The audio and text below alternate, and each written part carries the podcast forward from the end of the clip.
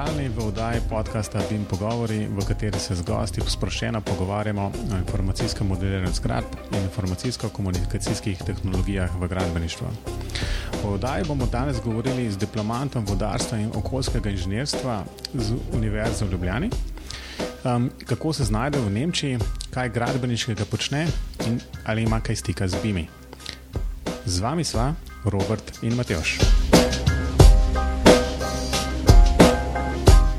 Pozdravljen, Robi. Zdravo, Matejš. Tokrat ne pa jaz prevzamem besedo, pa napovem današnjega gosta. V oddaji tokrat gostimo Neca Štukla, um, med drugim tudi diplomanta FGG, ki smo ga izvozili v tujino, bivšega podcasterja, Twitteraša in še mnogo več. Zdravo, Nec. Pozdravljena oba. Pozdravljen, Nec, še z moje strani. Nec, a se lahko na kratko malo predstaviš? Seveda. Uh, tako, uh, diplomiral sem, ne, začnemo s tem, da sem leta 2002 upisal uh, študij vodarstva in komunalnega inženirstva na fakulteti v Ljubljani. Uh, končal sem pa leta 2013 vodarstvo in okoljsko inženirstvo, prav tako na fakulteti uh, za gradbeništvo in geodezijo v Ljubljani pri mentorju dr. Viktorju Grilcu. Drugače sem pa od leta 2013 v Nemčiji, kjer sem migriral zaradi gospodarske krize že pred diplomom, ker je žena dobila službo kot arhitektka. Tako da sem celotno diplomo napisal v Nemčiji in zahvaljujoč prekrasnemu mentorju vso zadevo urejal z njim preko e-maila, tako da sem se dol vrnil samo oddati in zagovarjati. Odlično. Najprej čestitke za ustrajnost in diplomo. Hvala.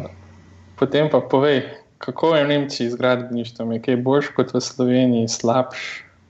Uh, jaz mislim, da glede na trenutno situacijo v gradbeništvu, lahko brez dvoma povem, da je boljše trenutno v Nemčiji, kar se gradbeništva tiče. Predvsem se veliko vlaga še vedno v infrastrukturo, kar mislim, da pri nas v državnih projektih še precej stoji in verjetno posledično potem tudi v privatnih projektih. Ne?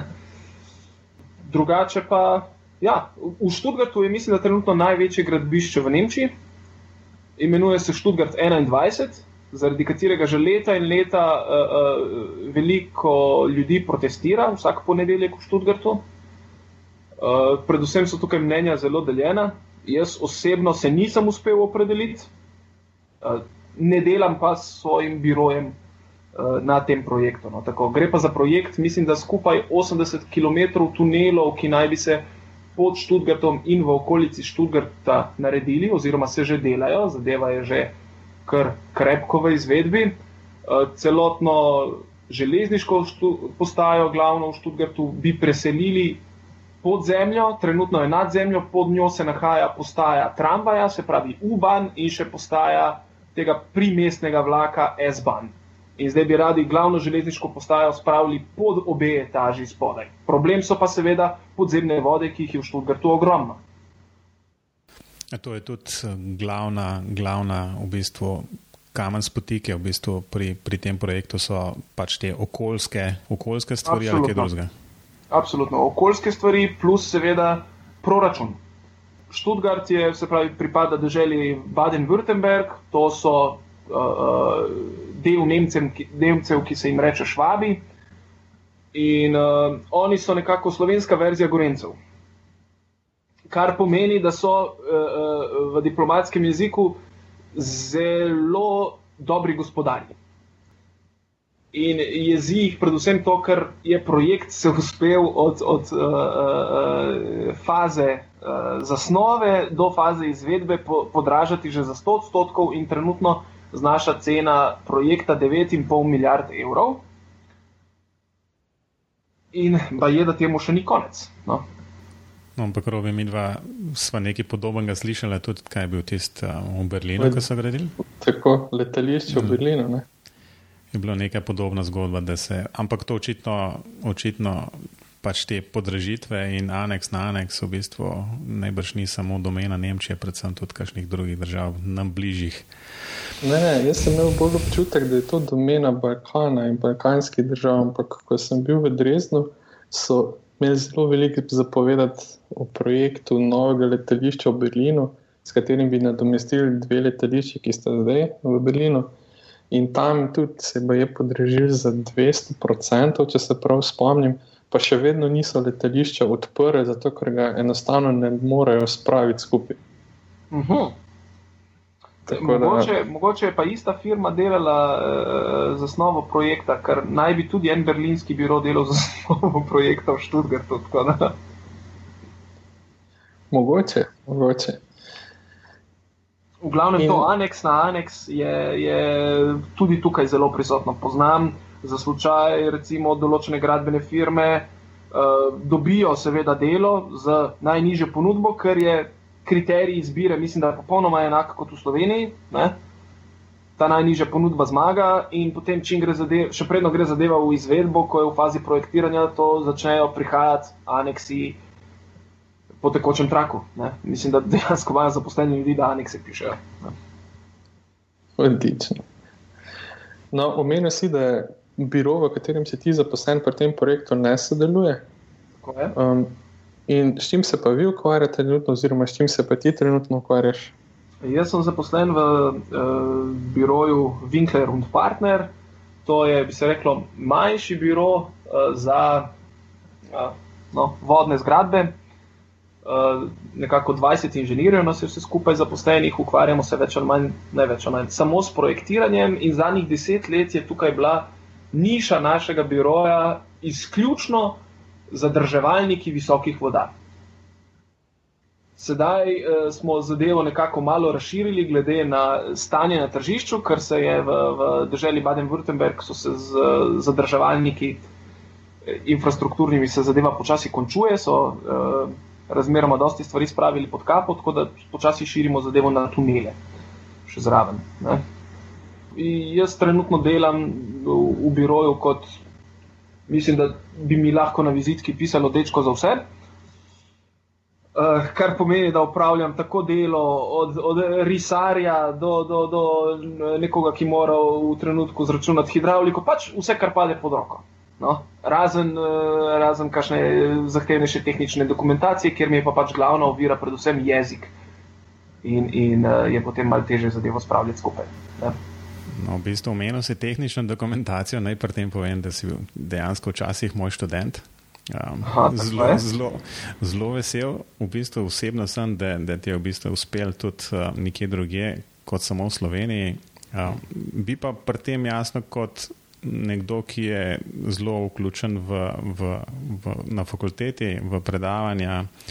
Um, me zanima v bistvu ena taka splošna tvoja ocena, v bistvu glede nivoja znanja, ki ga preneseš z fakultete um, ali se, kako je to primerljivo z, z tistimi inženirji, ki si jih poznal in srečal um, v Nemčiji?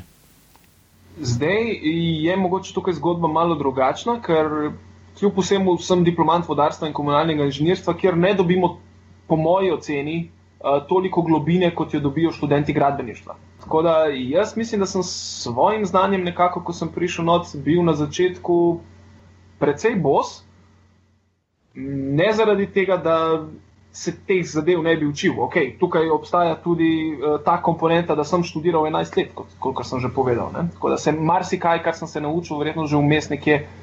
Uh, nekoliko pozabilo in izgubilo. Ne? Ampak, če te lahko prekinem, sem tle, jaz sem enkrat enega zelo dobrega profesorja, ki je rekel, da, da kdo študira manj kot sedem let, ti sploh ne šteje.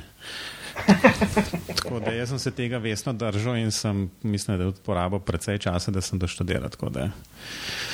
Očitno so oba nekaj vmes pozabili, lahko tudi. Aha, tako. No, glede, glede znanja je itak tako, da vsaj moje neko mnenje je, da ko prideš iz faksa v ali je to na gradbišče ali v inženirski biro, uh, začenjaš praktično v praksi iz uh, ničle. Ne? Mislim, imaš eno zelo močno podlago uh, pod sabo, ki je pa predvsem podlaga za to, da se lahko dalje učiš. In uh, jaz mislim, da se razmeroma hitro sem se uspel prilagoditi, no, glede na, na zahteve v biroju. Je pa res, da imamo okoli sebe same diplomante fakultete iz Karlsruja, ki je pa poznana kot najboljša gradbeniška fakulteta v Nemčiji. Ne? In uh, kaj pa vem. No? Imam pa res okoli sebe inženirje, ki imajo že več kot 20 let uh, delovnega staža, sem pač najmlajši v biroju in, in temu primerno potem težko primerjam sliko mojega znanja z njihovim znanjem, ker so za mene pač vsi enciklopedije. Um, pa je to tvoja prva služba v Nemčiji, ali si bil že vmes kje druge? Uh, ne, bil sem tudi druge. Jaz sem začel v Nemčiji kot zidar, tako da sem uh, uh, osnove gradbeništva, gradbeništva spoznal v živo, s paklom in kladivom v roki. Uh, potem, po dveh mesecih, sem pa uspel dobiti prakso, prav tako v enem uh, biroju za nizke gradnje. In ko sem tam oddelal prakso, sem potem našel službo po šestih mesecih v Študgartu, v tem uh, projektantskem biroju. Predtem sem pa se pravi vodil gradbeno knjigo recimo, na enem gradbišču v Švarcvaldu, kjer se je gradila cesta. Uh, moj stik z gradbeništvom v praksi v Sloveniji je pa bil v cestnem podjetju Koper, kjer sem delal kot študent. Ne. Tako da sem nekaj stvari že videl no, tudi v Sloveniji. Predvsem tam sem bil na gradbišču. No. Super, potem imaš pogled na gradbeništvo iz različnih smeri, ne samo iz biroja. Lahko bi se reklo. Ja. No, in glede na to, da imaš, da praviš, da si spoznal gradništvo iz večjih plati, me zanima. A si v Nemčiji, kdaj na gradbišču ali pa v biroju, ali pa kaj, ste se kaj srečali z BIMI? Uh, jaz mislim, da zelo malo. Uh, jaz sem videl v bistvu eh, prezentacijo enega BIM programa, na, ko sem bil na tečaju uh, za Civil 3D. Ampak Civil 3D ni BIM program, je Autodesk program, je CAD program. Ne? Ampak tam mislim, da mi je zgolj pokazal prezentacijo enega BIM-a. Drugače pa mislim, da z BIM-om jaz nisem delal. A, to je v bistvu bilo najbrž tudi za pričakovati. Če si, če si bolj ali manj upet v recimo te vodarske vode, pa prej si omenil, da si delal v podjetju, ki so se ukvarjali predvsem z nizkogradno. To je vsaj sigurno še pred leti um, bilo zelo slabo pokrito v, v BIM-ih. Um, tako da me, v bistvu me ne čudi um, takšen odgovor. Je pa, je pa najbrž težko, težko tudi soditi na splošno. Na splošno Nemčijo, v bistvu, če, če si, recimo, kot rečeno, zelo upet v, v te vodarske vode in si okrožen z dejansko z inženirji, ki to počnejo skozi. No, lahko pa vprašanje obrnemo, oziroma vprašam drugače. Me pa zanima, če si v času trajanja svojega študija kaj slišal o BIM-ih. Čeprav, ko postavljam to vprašanje, se sprašujem, če se takrat že sploh govori toliko o BIM-ih, kot se zdaj govori. Ali si mogoče kaj slišal na, na fakulteti ali ne? Jaz, če ti povem po pravici, sem za BIM prvič slišal, ko je prišla ven prva epizoda vajnega podcasta. Iskreno pošteno. Pošteno. No, to je eno, to lahko rečem, da s tem smo dosegli svoj namen. Svoj namen, da lahko gasnemo zadevo in ja, rečemo, si čestitamo. Enega smo pridobili na svojo stran, upam. Ne, en, enega smo razsvetlili, ja, nismo ga še pridobili. Nismo ga, z, ga bo zdaj prepričala v, v tako, pozitivne stvari. Tako, procesu obdelave. pa pazi, no, kako proces omenjaš, ne? tako da je to, to zelo pomembno. No, potem pa te bom vprašal drugače. Spet bom parafraziral vprašanje, pa bom vprašal, če si, si zdaj kaj pogledal, oziroma če si se kaj pozanimal, kaj bi mi sploh so. Uh, videl sem, da obstaja razlika z CAD programi, jasno. Uh, in zdaj pri samem BIM-u, ok, videl sem, kaj pomenijo kratice. In, in eh, prejšnji ste sicer povedali, da Janez ve, kaj pomeni M. Niste pa povedali, kaj pomeni M. ja, bi moral poslušati. No, no, bomo do tega še pridemo na koncu podcasta. Okay. Zanimivo je, zanimivo je, ker um, je veliko govora o tem, da so zahodne evropske države že zelo daleč pri upeljavi BIM-a, mogoče prednjači predvsem Velika Britanija, ker so že to v zakonu. Uh, in mi je zelo zanimivo, da recimo nekdo, ki deluje v praksi v Nemčiji, za BIM še ni slišal in da to dejansko še ni uveljavljen standard na gradbišču kot je Matej še gotovil, verjetno tudi zaradi področja dela, ki ga upravljate. Ampak vseeno se mi zdi, da bi se lahko srečal s tem. No? Jaz za Nemčijo bi skoraj lahko rekel, koliko je mojega stika z to vrstnimi zadevami, recimo tudi preko žene, ki gledam, ki je arhitektka. Je v Nemčiji obstaja nekako tako, kot smo včasih v, v Rajnki republiki rekli, samo upravljanje. Ne? Uh, zato, ker imajo ogromno enih svojih programov, za katerega so mogoče licence nekoliko cenejše, ali pa predvsem je interfejs zelo dober v nemščini, seveda. Ne? In ga potem z veseljem uporabljajo. Recimo pri eh, ženi, ki je bila celo življenje navajena, da, da eh, projektira v CAD-u, je prišla v Nemčijo in v službi uporabljajo izključno Vectorworks. Eh, program, za katerega jaz prej nikoli slišal nisem. Ne? In izpostavilo seveda se je, da je to nemški program. Ne? Zelo zanimiva informacija. Ja. No, recimo ena informacija, da je eden bolj uporabljenih BIM programov je tudi program Allplan, ki je tudi izključno Od Nemčeka. nemški. Ja. Tako, Nemček. In mi je zanimivo, recimo, da, da se ne ukvarjam s tem, ker Vectorworks, kot je pa meni znano, to pa ni v osnovi prav CAD program, ampak je v osnovi program za obdelavo vektorske grafike. Pravijo, da je, pravijo, da je recimo do neke zasnovne faze zelo lahko in zelo trotl zihar speljati projekt. Potem pa pri sami izvedbi prihaja do rahlih odstopanj, ker pri natančnosti pa je malo pada zadeva. Ne? No, vmes sem malo pobrskal za Vectorworks in je tudi, to je tudi eden od programov podjetja Nemček. A, In v opisu pravijo o tem, da je tudi to BIM program. Ja, zaradi, če, če bi pogledal dol, ne, je, je dejansko modeliraš z nekimi 3D elementi. Zdaj, no, jaz tako, tako sem mišljenja, da to, to bo vse skonvergiralo v eno in isto. Ne. To, to na koncu kat, ta klasičen, ali bo to še obstajalo, ne bo, že, ne bo več obstajalo, je vprašanje. Ne. Ampak na koncu koncev vsi, vsi se nekako lepijo na ta 3D. In jaz verjamem, da, da je za arhitekte ta 3D enega bistvenega pomena. Zdaj se temu reče, pol, da je to nek BIM, um, ki pač ok, sestavljaš ti stene na mesto, pač, da nekaj rišeš, neke črte, pa postavljaš okna, vrata in tako naprej. Pa da pol izvoziš, recimo, saj jaz osebno tudi na koncu konca rečem, ok, BIM je šele takrat neki, ko ko imaš ti neko standardno predstavitev, pa v bistvu lahko to izvoziš v nek standard zapis ali kaj podobnega. Do, do, do takrat je pa bolj ali manj 3D, plus lahko neko semantiko obesiš na, na te elemente. Um, ampak mislim, da to, to bo vse skonvergiralo v, v eno in isto. Zdaj, ali je to Vectorworks in jasno, če je to Nemček um, v zadnji, jaz verjamem, da je pač firma pokupila vse tisto, kar se je dal pokupiti, zato da ima celo paleto teh programov, ki pa med sabo sodelujejo lahko. No, vse med drugim ima tudi arhitekt. Tako, če se vrnem na tvoje večkrat parafrazirano vprašanje, Robi, sem se zdaj ravno kar spomnil, eh, da sem dejansko v času študija imel eh, eh, rahel, kako bi se reklo, dotik z BIM programom in to je ravno Nemček Allplan. Ker sem nekje, mislim, da v eh, tem našem eh, glasilu FGG-ja Most izvedel, da obstaja eh, distributer v Ljubljani, Eh, in študentje lahko dobijo, eh, študenti FGG-ja lahko dobijo zastojno licenco. Tako da sem jih poklical in sem šel po svojo zastojno licenco in dobil CD. Oni so me gledali, kot da sem z neba padel, varianta, a res, super, s tem se boš ukvarjal. In mislim, da to je bilo tudi to, da sem ga inštaliral, se ene dve uri malo nekaj igral in nažalost se potem nisem več kot toliko ubadal z njim.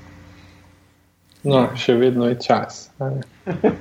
Ja, čas bo takrat, ne, ko bo, ko bo um, recimo v, v najcem primeru, ko bo tisto vodne pregrade bojo nekako zapisane v IFC, oziroma ko bo to v BIM-ih kot nek element. Pa boš rekel, ok, jaz hočem pa ta zgale, pa boš pa lahko parametri to upisal, pa ne vem kaj še vse. Ne. Dokler moš pa to imeti neke profile, pa risati ja noter, pa pol ne vem kaj delati, um, je pa vprašanje, če, če, če, če, če se bo srečal z, z BIM imenom ali pa s kratico BIM. Sam teoretično, recimo v BIM-u, uh, uh, bi lahko jaz zadevo, ne vem, se pravi, ko imam zrisan objekt, v, v tem primeru je to pregrada. Ne, ali lahko jaz potem v BIM-u zadevo, ko se karkoli spremeni noter, da mi enostavno updata vse zadeve, vse profile, ki grejo skozi, prereze, preseke in tako naprej, da ne rabim ob sami spremembi konstrukcije sam ročno popravljati vse uh, prereze in, in, in uh, preseke. Ja, da ti odgovorim, seveda, ne, to je ena glavnih prednosti BIM-a, ampak tu je treba dati eno opozorilo, da to deluje samo v primeru, da je model pravilno zgrajen. Mhm. V tem primeru se da. Mhm. Če pa zgrajen samo zato, da je ta model kot 3D reprezentacija nečesa, potem pa ne.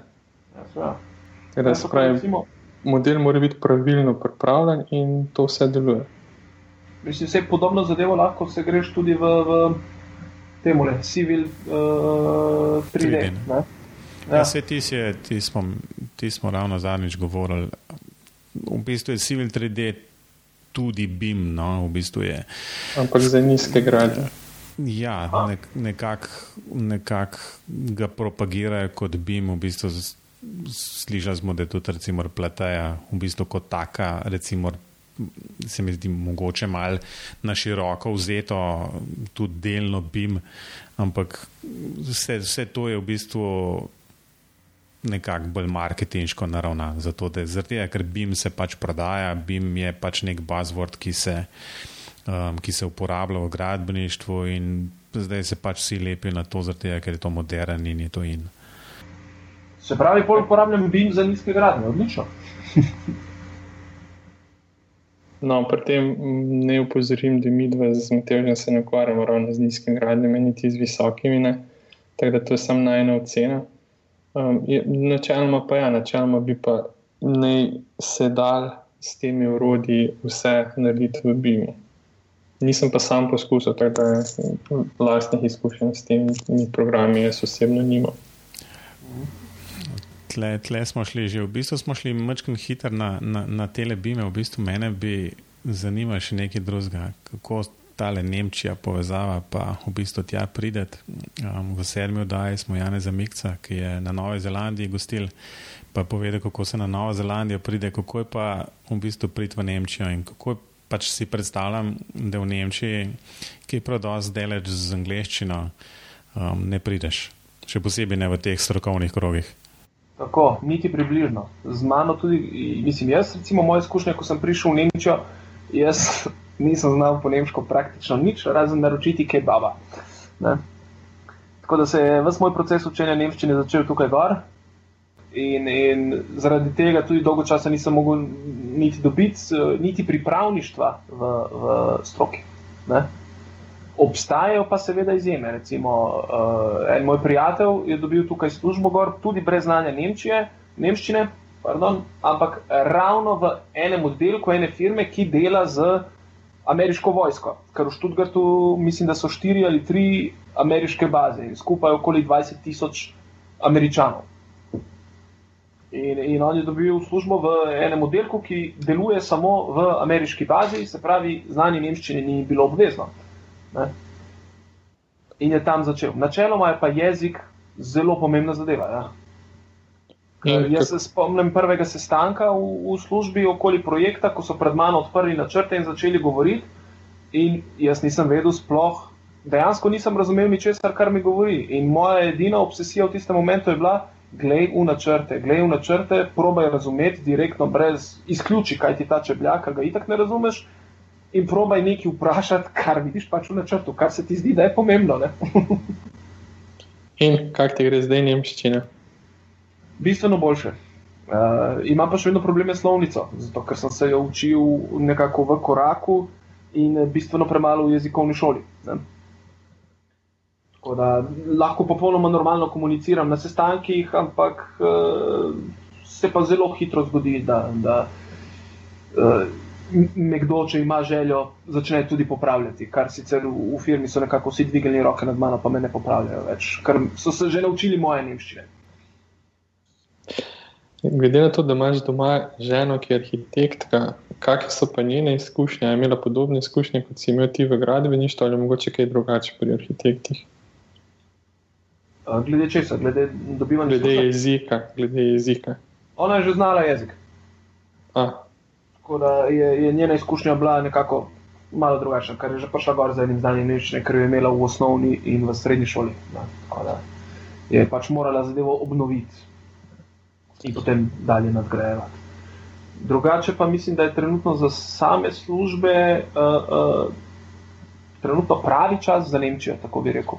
In Slovenci imamo tukaj zelo veliko prednost kot uh, državljani, članice Evropske unije, da ne potrebuješ praktično ničesar. Prideš, se prijaviš, eh, ko imaš službo in to je to. Ne? Zadeve grejo lahko za nas zelo gladko kakšna je pa ta pregovorna nemška birokracija, ki je bolj prijazna kot v Sloveniji ali je zelo podobna? Jaz mislim, da so imeli tudi v Sloveniji relativno dobre izkušnje z birokracijo, ker smo jih že eno dosti dali skozi, ki je tu je državljanka. In, in um, moram reči, da naša birokracija načeloma ni tako zelo slaba, kot mi radi omenjamo. Seveda, obstajajo kakšne cvetke, uh, ampak Tudi pri Nemcih se zna zatakniti, konec koncev mislim, da so jo oni izumili birokracijo ne? in na to dejstvo so ponosni. Uh, ampak načeloma gre pa hitreje pri določenih zadevah. Ne? Recimo, samo ko sem videl, kakšne dokumente potrebuje žena oddati za gradbeno dovoljenje, tu se dela velika razlika. Uh, dejansko gradbeno dovoljenje sta, je en A4 list, formular popisan in podpisan strani arhitekta. Ne. In potem mogoče še en klic za, za uh, uh, malo vrš, vršenja, malo pritiska na občino, če se to da malo prej kot v, vem, v dveh tednih zritati.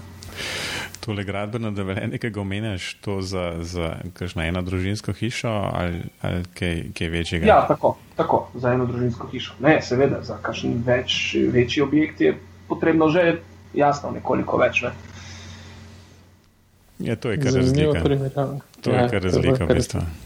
Ja, ja ne, kar vem, da, mislim, da je gradbeno dovoljenje, kar se tiče slovenske birokracije, verjetno ekstrem.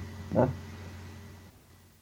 Ja, pa še upete se, da bo še slabše. No, Ampak robi ti si dal to že skost, kot da je. Ne misliš, ja, ponav je... ne, ne misliš ponavljati še enkrat tega, ne. Ne, ne, ne. To, to bo potem za Christmas special, kot smo obljubljali v eni od prvih epizod prigode slovenskega gradbenja, ne, prigode slovenskega investitorja. Samo, samo graditeljstva. Tako. Na, če se pa nazaj na gradbeništvo vrnem, praviš, da BIM in Nemčija zaenkrat nimaš nekih velikih izkušenj, oziroma se še nisi veliko z njim srečal. Kakšno pa tvoje znanje, kaj da, ko si prišel v Nemčijo? A si dobil kaj znanja na fakulteti, a si moral sam se še kaj, koliko je bilo? Uh, Ma, v bistvu zelo, zelo osnovno znanje, ki ga sem že dobil na fakulteti, ker smo pri melioracijah in pri hidrologiji, se pravi pri profesorici Mojci Šraj, smo delali v KED-u zadeve. Ne zdaj, ne vem koliko, ampak dovolj, da smo recimo določene uh, mape imeli, zrisali kakšne uh, profile v. Joj. Mal, imam probleme z slovenskimi izrazi, vsake toliko. Uh, je situacija. Ja, je, seveda. Če rečeš, pa kar nemško pove. Lage plan. Prosim. Lage, lage plan. Lage ja, ja, plan. Ja, ja. Je, je. Se vem. In, in, uh, tako da neke res osnovne zadeve, kako recimo kakšen objekt zrisati, kako uh, rezati zadevo, kako podaljševati linijo, polilinijo in tako naprej, je sem dal skozi, reklo bi se res uni osnovno zadevo Kena. Uh, ostalo sem pa potem v, tukaj v Nemčiji v službi, najprej kjer sem bil na praksi, potem sem seveda v CV kot svojo močno točko dal noter, da znam Ket. Ne? In so me na, na, na razgovoru za službo seveda izprobali, direktno, sedi se z računalnik, gremo, da vidimo, koliko znaš Keda. Tako da To je bilo kar stresno, ampak načeloma je šlo skozi. um, sam še eno vprašanje, ki se, se nanaša na ta leket, um, pa na izobraževanje. Nec, a misliš, da je naloga fakultete, da nauči te izbrane programe, ki so recimo nekako dosti standardno zastopani v praksi, ali je to nekaj, kar bi morali študenti nekako ob samem študiju sami nekako se naučiti, priučiti. Um, ali pač, kot rečeno, bi morali narediti toliko in toliko vaj, zato da bi to dejansko že znali, ko pridejo z fakultete študenti. Jaz mislim, da če se v okviru študija uči AutoCAD, je to zgubljanje časa. Uh, to so zadeve, ki bi jih, po mojem mnenju, in neki moji izkušnji študenti morali sami delati. Ne? To je orodje, s katerim ti delaš, in dejansko za znanje, da ne potrebuješ biti inženir. Uh, za znanje inženirja pa lahko izkoristiš stvari, za katere so profesori in asistenti na faksu, ki ti lahko dajo marsikaj več, kot je znanje enega avtokeda. Tako da jaz sem, kar se tega tiče, absolutno radikalen in mislim, da samemu učenju in dobesedno tečaju avtokeda na faksu ni mesta. Tako da mislim, da je naš faks, kar se tega tiče, vsaj v, v, v času mojega študija, bil to zelo dobro zastavljen. Eh, si imel pri določenih predmetih zadeve, ki si jih moral zrisati v kedu, ampak noben ti ni to pokazal. To, majstore, je tvoja naloga. Ne? In jaz mislim, da je tako prav. Super, um, sem hotel ravno to slišati. Odličen odgovor, ampak jaz bi imel še eno pod vprašanje. Je bilo tvoje mnenje tako tudi v času tvojega študija? Jo, jaz v času mojega študija nisem imel nobenega mnenja, tako da m, vsaj ne, kar se tiče zadev. Uh, teh, ker sem, mislim, da prvih pet let več ali manj živel od brucovanja do brucovanja. Ne, mislim, da imel, mislim, da bi imel enako. Nekje šesto leto sem se začel zauzemati za to, da ne bi smeli študentom dovoliti ponavljati več, kot enkrat. Uh, kar se tega tiče, jaz sem zelo trd do študentov, ki, ki uh, so dali takšen model študiranja skozi, kot sem ga dal jaz. Predvsem na, na način, kot sem ga dal jaz. Jaz, kot profesor, ne bi imel milosti do sebe. Tako. Ti si pa zelo radikalen. Bom, bomo ta posnetek shranili, ga predvajali študentom naslednjih, naslednjih generacij, tako da bojo iz prve roke slišali, kaj si, kaj si študenti mislijo o njihovem načinu študija. Tako na prvi uri. Nekaj, resno, če bi zdaj še enkrat lahko šel študirati, bi šel takoj še enkrat študirati isto stvar. In bistveno več bi želel odnesti ven od svojega študija, kot sem odnesel za časa svojega študija. Ja, to, je, to je, mislim, da je dobra, dobra recimo, taka um, delno klofuta tudi profesorjem in asistentom. Um, ki jo najbrž vsak preseb tudi čuti, ne, da, da bi moral študentom načeloma več dati ali pa bi želel več dati, se pa pri tem včasih vprašamo, ali so študenti v prvi vrsti sploh prvič željni tega znanja, so pripravljeni delati več, kot delajo ali ne. Jaz mislim, no. da je verjetno glavni problem tega, da na naši fakulteti ni več sprejemnih izpitov.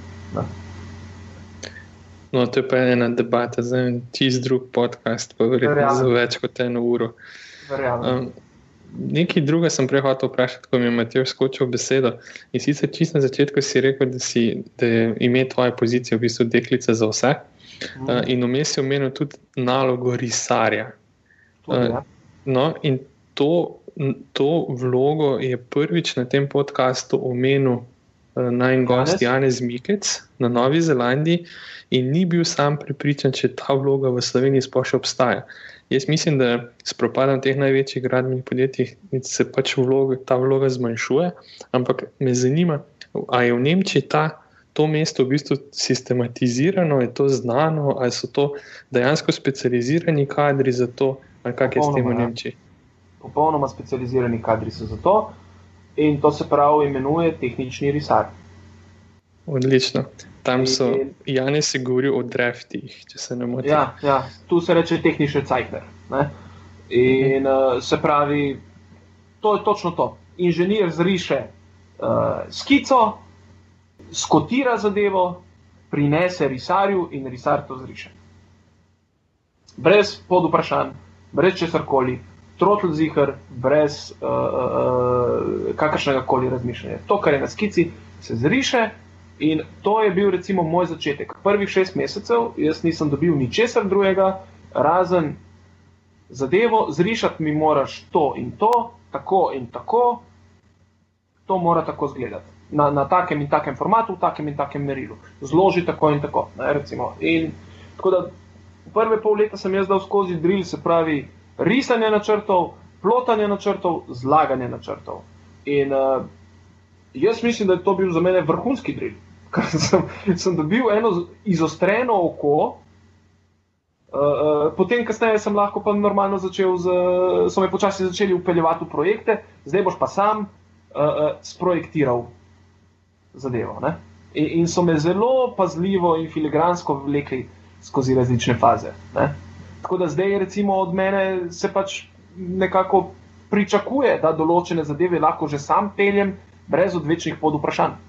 In imam takega mentorja za sabo, da če dam kakšno pod vprašanje preveč, jih debelo slišim. Ker vzroji, pa kaj, nisi imel tega na faksu, ne, ne razumeš tega, in tako naprej. Tako da je, A izobrazbo so ti v Nemčiji priznali, ali mogoče ne, kako je s tem? Zdaj tako, jaz nisem nikoli šel nostrificirati moje diplome, ker ni bilo potrebno. Nikoli mi nisem prinesel diplome v pogled. Dejansko sem samo, ko sem apliciral, poslal uh, skenirano potrdilo o diplomi. In to je bilo vse, kar so od mene videli. Zdaj na zadnje je, je bil smešen primer, ker so me spraševali, ko so mi vizitko delali, kakšen naziv imam točno in če ga lahko v svojem originalnem jeziku zapišeš. Rekel, seveda, univerzitetni diplomirani inženir vodarstva in komunalnega inženirstva. Rekel, kar se mene tiče, lahko naredite vizitko A4 formata in to zadevo spravite gor. Da, na koncu so prevzeli nemški naziv, pač z DPL, ING in ukrepajo Ljubljana. Ne. To naredijo za vsakega, ki je izven Nemčije končal faks. Ja, to je v bistvu pa konec koncev, prej smo malo kritizirali fakulteto, konec koncev je pa to pa vse en, en tak, recimo, um, pozitiven vidik univerze v Ljubljani, da mislim, da je vseeno kar mednarodno prepoznavna in recimo tudi fakulteta za gradbeništvo, mislim, da je v tujini tudi nekako se jo vidi kot um, neko, neko resno fakulteto. Sigurno, sigurno, v to, v to ne dvomim. Je pa, če sem prav razumel, recimo, sistem z strokovnimi izpiti in temi zadevami v Nemčiji nekoliko drugačen, ker praktičnih strokovnih izpitov ni. Obstaja samo izpit za uh, licenco, da greš v inženirsko komoro Nemčije oziroma zvezdne države, za kar, pa, kar je pa potrebno samo tistim, ki imajo svojo lastno firmo vsi ostali zaposleni se s tem ne ukvarjajo. Ukvarjajo se z različnimi strokovnimi seminarji, ne? ali je to varnost pri delu, ali je to geotehnika, ali so to betoni ali karkoli. Ampak hm, jaz mislim, da v moji firmi od 25 eh, inženirjev nima nihče strokovnega izpita, razen šefa. No, to sem bil zdaj zelo, zelo presenečen. Sem hotel še enkrat vprašati, da je res, v bistvu, da Ben dejansko nima strokovnega izpita. Čisto drugo čisto drugače pojmujejo zadevo. Strokovni izpit potrebuješ, se pravi, da si član inženirske komore v tem primeru, kadar imaš svojo firmo. Takrat moraš zadeve dokazovati. Predtem je pa dovolj, da imaš recimo narejen, uh, ne vem, če se ukvarjaš z gradbišči, seminar iz varnosti uh, na gradbiščih, ne, zige, kot se to imenuje. In vsako leto se pa izpopolnjuješ seminarji. Dejansko moraš za določene zadeve vsako leto seminarje delati. Smo izčrpali. Ja, na eno vprašanje. Predlagam, da gremo naprej. Um, um, ja, kaj imamo naprej? Aha, novice in priporočila. Um, ne, imaš kaj slučajno? Si kaj, si kaj našel vmes, ko smo se pogovarjali? Nisem brskal po internetu. Ampak. No, ampak lahko si kaj iz glave izmisliš. Če ne, Sveda pa ni nujno. Ne? Priporočam absolutno. Uh, ukolikor se kdo odloči za obisk Študgrta, ogled muzeja gradbišča Študgarta 21, ker so postavili zelo uh, uh, dobro, bi rekel, ja, dejansko muzej. V središču Študgarta je železniška postaja, uh, mislim, da zgrajena v času Prve svetovne vojne, in uh, na vrhu stolpa je Mercedesov znak.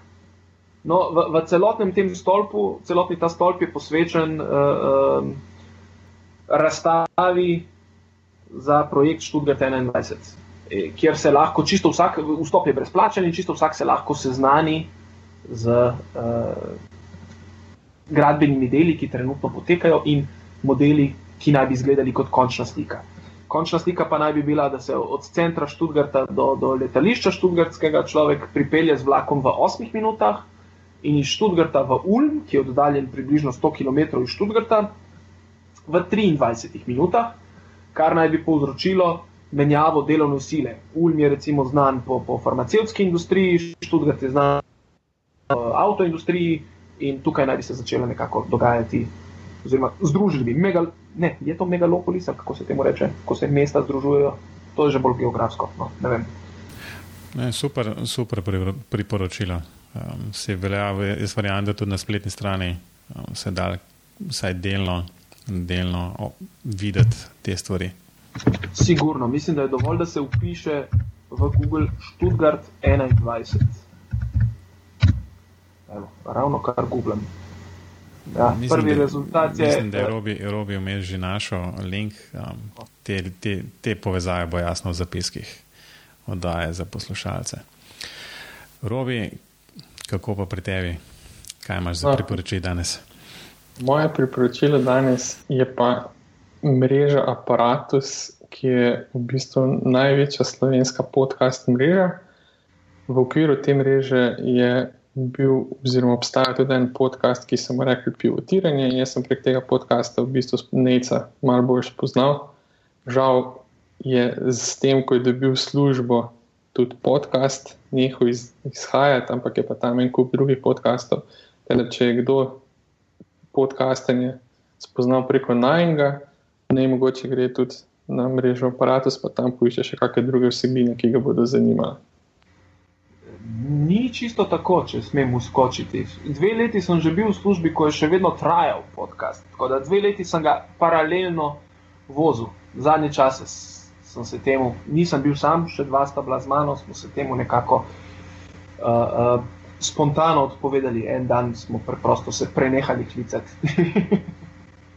Jaz sem pa v bistvu v robi, pred časom mi je, mi je en laptop odpovedal Apple. Sicer je bil že tako, tako v letih, um, na koncu sem zvedel, da, da je šla grafična kartica in, oziroma grafičen čip. No in tok starih laptopov se ne popravlja več. No in to sem jim vse povedal na eni firmi, Pro 23, le v Ljubljani. No in zato bi priporočil um, to firmo, um, na spletni strani pro23.js izveste še več o, o tej firmi. V bistvu priporočam ne samo zato, da sem jim povedal, kaj je narobe, ampak predvsem to, da, da je bil odnos um, zelo korekten, da dejansko sem jim omogočil, da sem tam za, za nek um, sorazmeren. Nizko ceno v bistvu dobil nadomesten, nadomesten laptop, ki je jasno tudi v letih, ampak še zmeraj dobro služi. Tako da je, je, je nekaj, če imate veliko um, pač te Apple opreme, so kar ta prav naslov za, za takšne in drugačne popravile. Ok, no, zdaj smo pa na najpomembnejšem delu um, oddaje in to so jasno hitre vprašanja. Čeprav zdaj ne vem, kaj boš ti povedal na prvo vprašanje, kje robim programsko opremo uporabljaš. Ja, zmenili smo se, da je to Civil 3D. V redu, zapišem Civil 3D. No, drugo vprašanje, ki ga tudi postavimo vsakemu gostu, pa ti ga bomo mogli mogoče malo prezložiti, je, kako razume BIM. Ne? Ta M, kot si prej spraševal, pa nismo vedeli, kaj je. M je lahko model kot model, lahko je modeling kot proces. V zadnjih podajah se pojavlja pa še ena druga kratica, oziroma druga beseda, to je pa M kot management. Zdaj, če BIM-o še nisi uporabljal, oziroma jih nisi srečal pri svojem delu, verjetno nimaš nekega mnenja. Če pa imaš, pa prosim, povej. Imam. Jaz mislim, da je predvsem uh, uh, mešanica procesa men in menedžmenta. Tako, mene veseli, da ti je že malo manj, ampak. Pa to ne moreš verjeti. Jaz sem zmerno depresiven, ker gledam ti zgraf, sam dva sva. Sam, sam Janes me dejansko razume. No, ampak dobro. Ampak če sem ti bilo izsiljeno, ja, jaz se vem, zaradi tega, ker sem obljubljal, v bistvu izven, izven, torej sem obljubljal, da bom plačal kavo, najbrž nekaj podobnega. Um, no, ampak še, še zmeri se moraš odločiti, ali je proces ali, ali, ali, ali je to management. Ker to ni isto. Ne? Jaz mislim, da je bolj management. Ja. Moram, moram reči, da mi je ta v bistvu zdaj postaje vedno bolj všeč. Ja. Da bom kmalo rekel, da je to management, samo zato, da nam rekel, da je to proces. še, še eno kot vam bom tukaj vrgel. Ste mogoče slišali, kdaj je za program uh, Ariba z dvemi R-ji in mislim, da je podglava tega programa uh, I2, I, T, dvojni v O. Jaz moram priznati, da še nisem slišal. To je še eden izmed programov, ki je zelo močno iskan na nemškem tržišču, predvsem znanje iz tega programa je zelo močno iskano. Uporabljajo ga pra praktično vsi vodje gradbišč in tudi projektanti.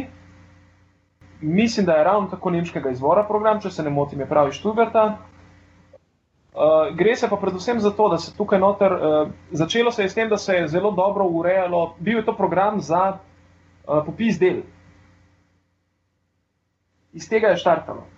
Kasneje se je tukaj zraven še pojavila grafika in modeliranje.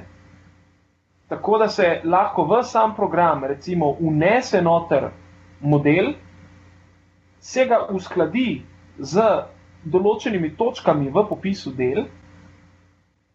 In, in program potem pomaga pri samih, ne vem, ali, zdaj, ali so to kubature, ali so to karkoli pač je na postavki, ne, da dejansko grafično prikazuje zadevo zraven. Se pravi, program generira priloge za gradbeno knjigo. A je to, zdaj, jaz sem malo tole pogooglil, mes, um, jaz sem tukaj sicer eno ribo našel in ta zgleda, kot da je od SAP-a. In, in piše, da je to nek life cycle management software, um, če sem jaz tole prav po Google? To je, mislim, da je uh, www.reapsoftware.com. Reap, R-I-B, minus software. Ja. Pa mislim, da je povezan z Nemčkom. Nemček. Piše, da je premium partner, so Autodesk, Nemček, Primavera, Topcon. Okay. No, a, so to, kašni, to... a so to kakšni prosti zidari, te nemeček, da so posod zraven? ne bi vedel. No, ampak eh, zelo podobni programi so tudi v, v drugih okoljih, je pa to v bistvu dodajo še eno dimenzijo k modelu in to je čas, pa še eno stroški. Tako da to je nek 5D modelirnik. Um, in mislim, da bi temu marsikdo tudi rekel, da je to BIM modelirnik. Evo. Zato sem uh, šel na stran managementa, ko ste me vprašali za bil. Okay. Lej, zadnje vprašanje, pa v bistvu bom tle vprašal zelo, bolj na splošno, ker najbrž, um, kot rečeno, če bi ima nekak ali pa takšnega softvera ne uporabljaš dnevno, v bistvu najbrž um, ne poznaš vse, celotnega ozadja teh stvari, ampak tako načelno um, si za neko standardizacijo. Um, kot pač priložnost sodelovanja med različnimi um, programi, oziroma potem jasno tudi specialisti na področju, ali, je, ali pa to bolj gledaš pragmatično in rečeš, v redu, bomo, bomo v bistvu vzeli en softver, ki je pač skozi te neke lasniške formate komunicira um, z drugimi. Skratka, ali si za bolj za standardne zadeve, ali v bistvu nekako um, ti je bolj ali manj vseeno. Dejstvo je, da nikoli nisem bil pragmatičen, ravno, tako da se bolj uh, zauzemam za uh, Open Beam standard, bi rekel tukaj. Da, če že naj se zadeva, potem toliko bolj standardizirane. Je pa res, da tudi to nosi določene pasti seboj izmirene. To pa vedno. No, mislim, da smo pri koncu naše oddaje.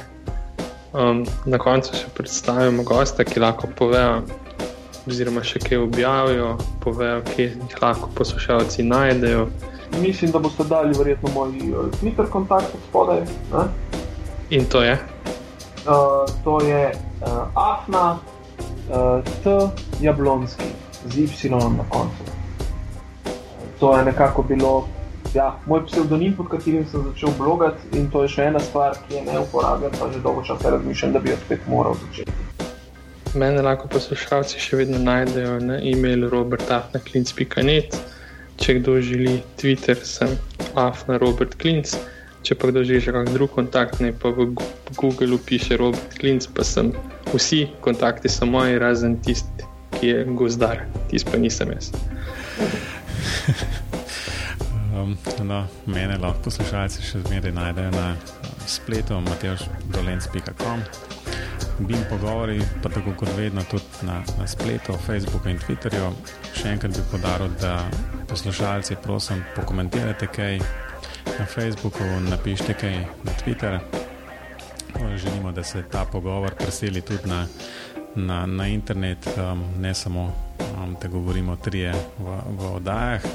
Tako da na tem mestu bi se zahvalil Najcu, da si vzel čas um, in se oglasil v oddaji in povedal jasno veliko zanimivih stvari, um, kako kaj stvar stoji v gradbeništvu v Nemčiji. Hvala vam lepa za povabilo. No. Lepo se majte še naprej.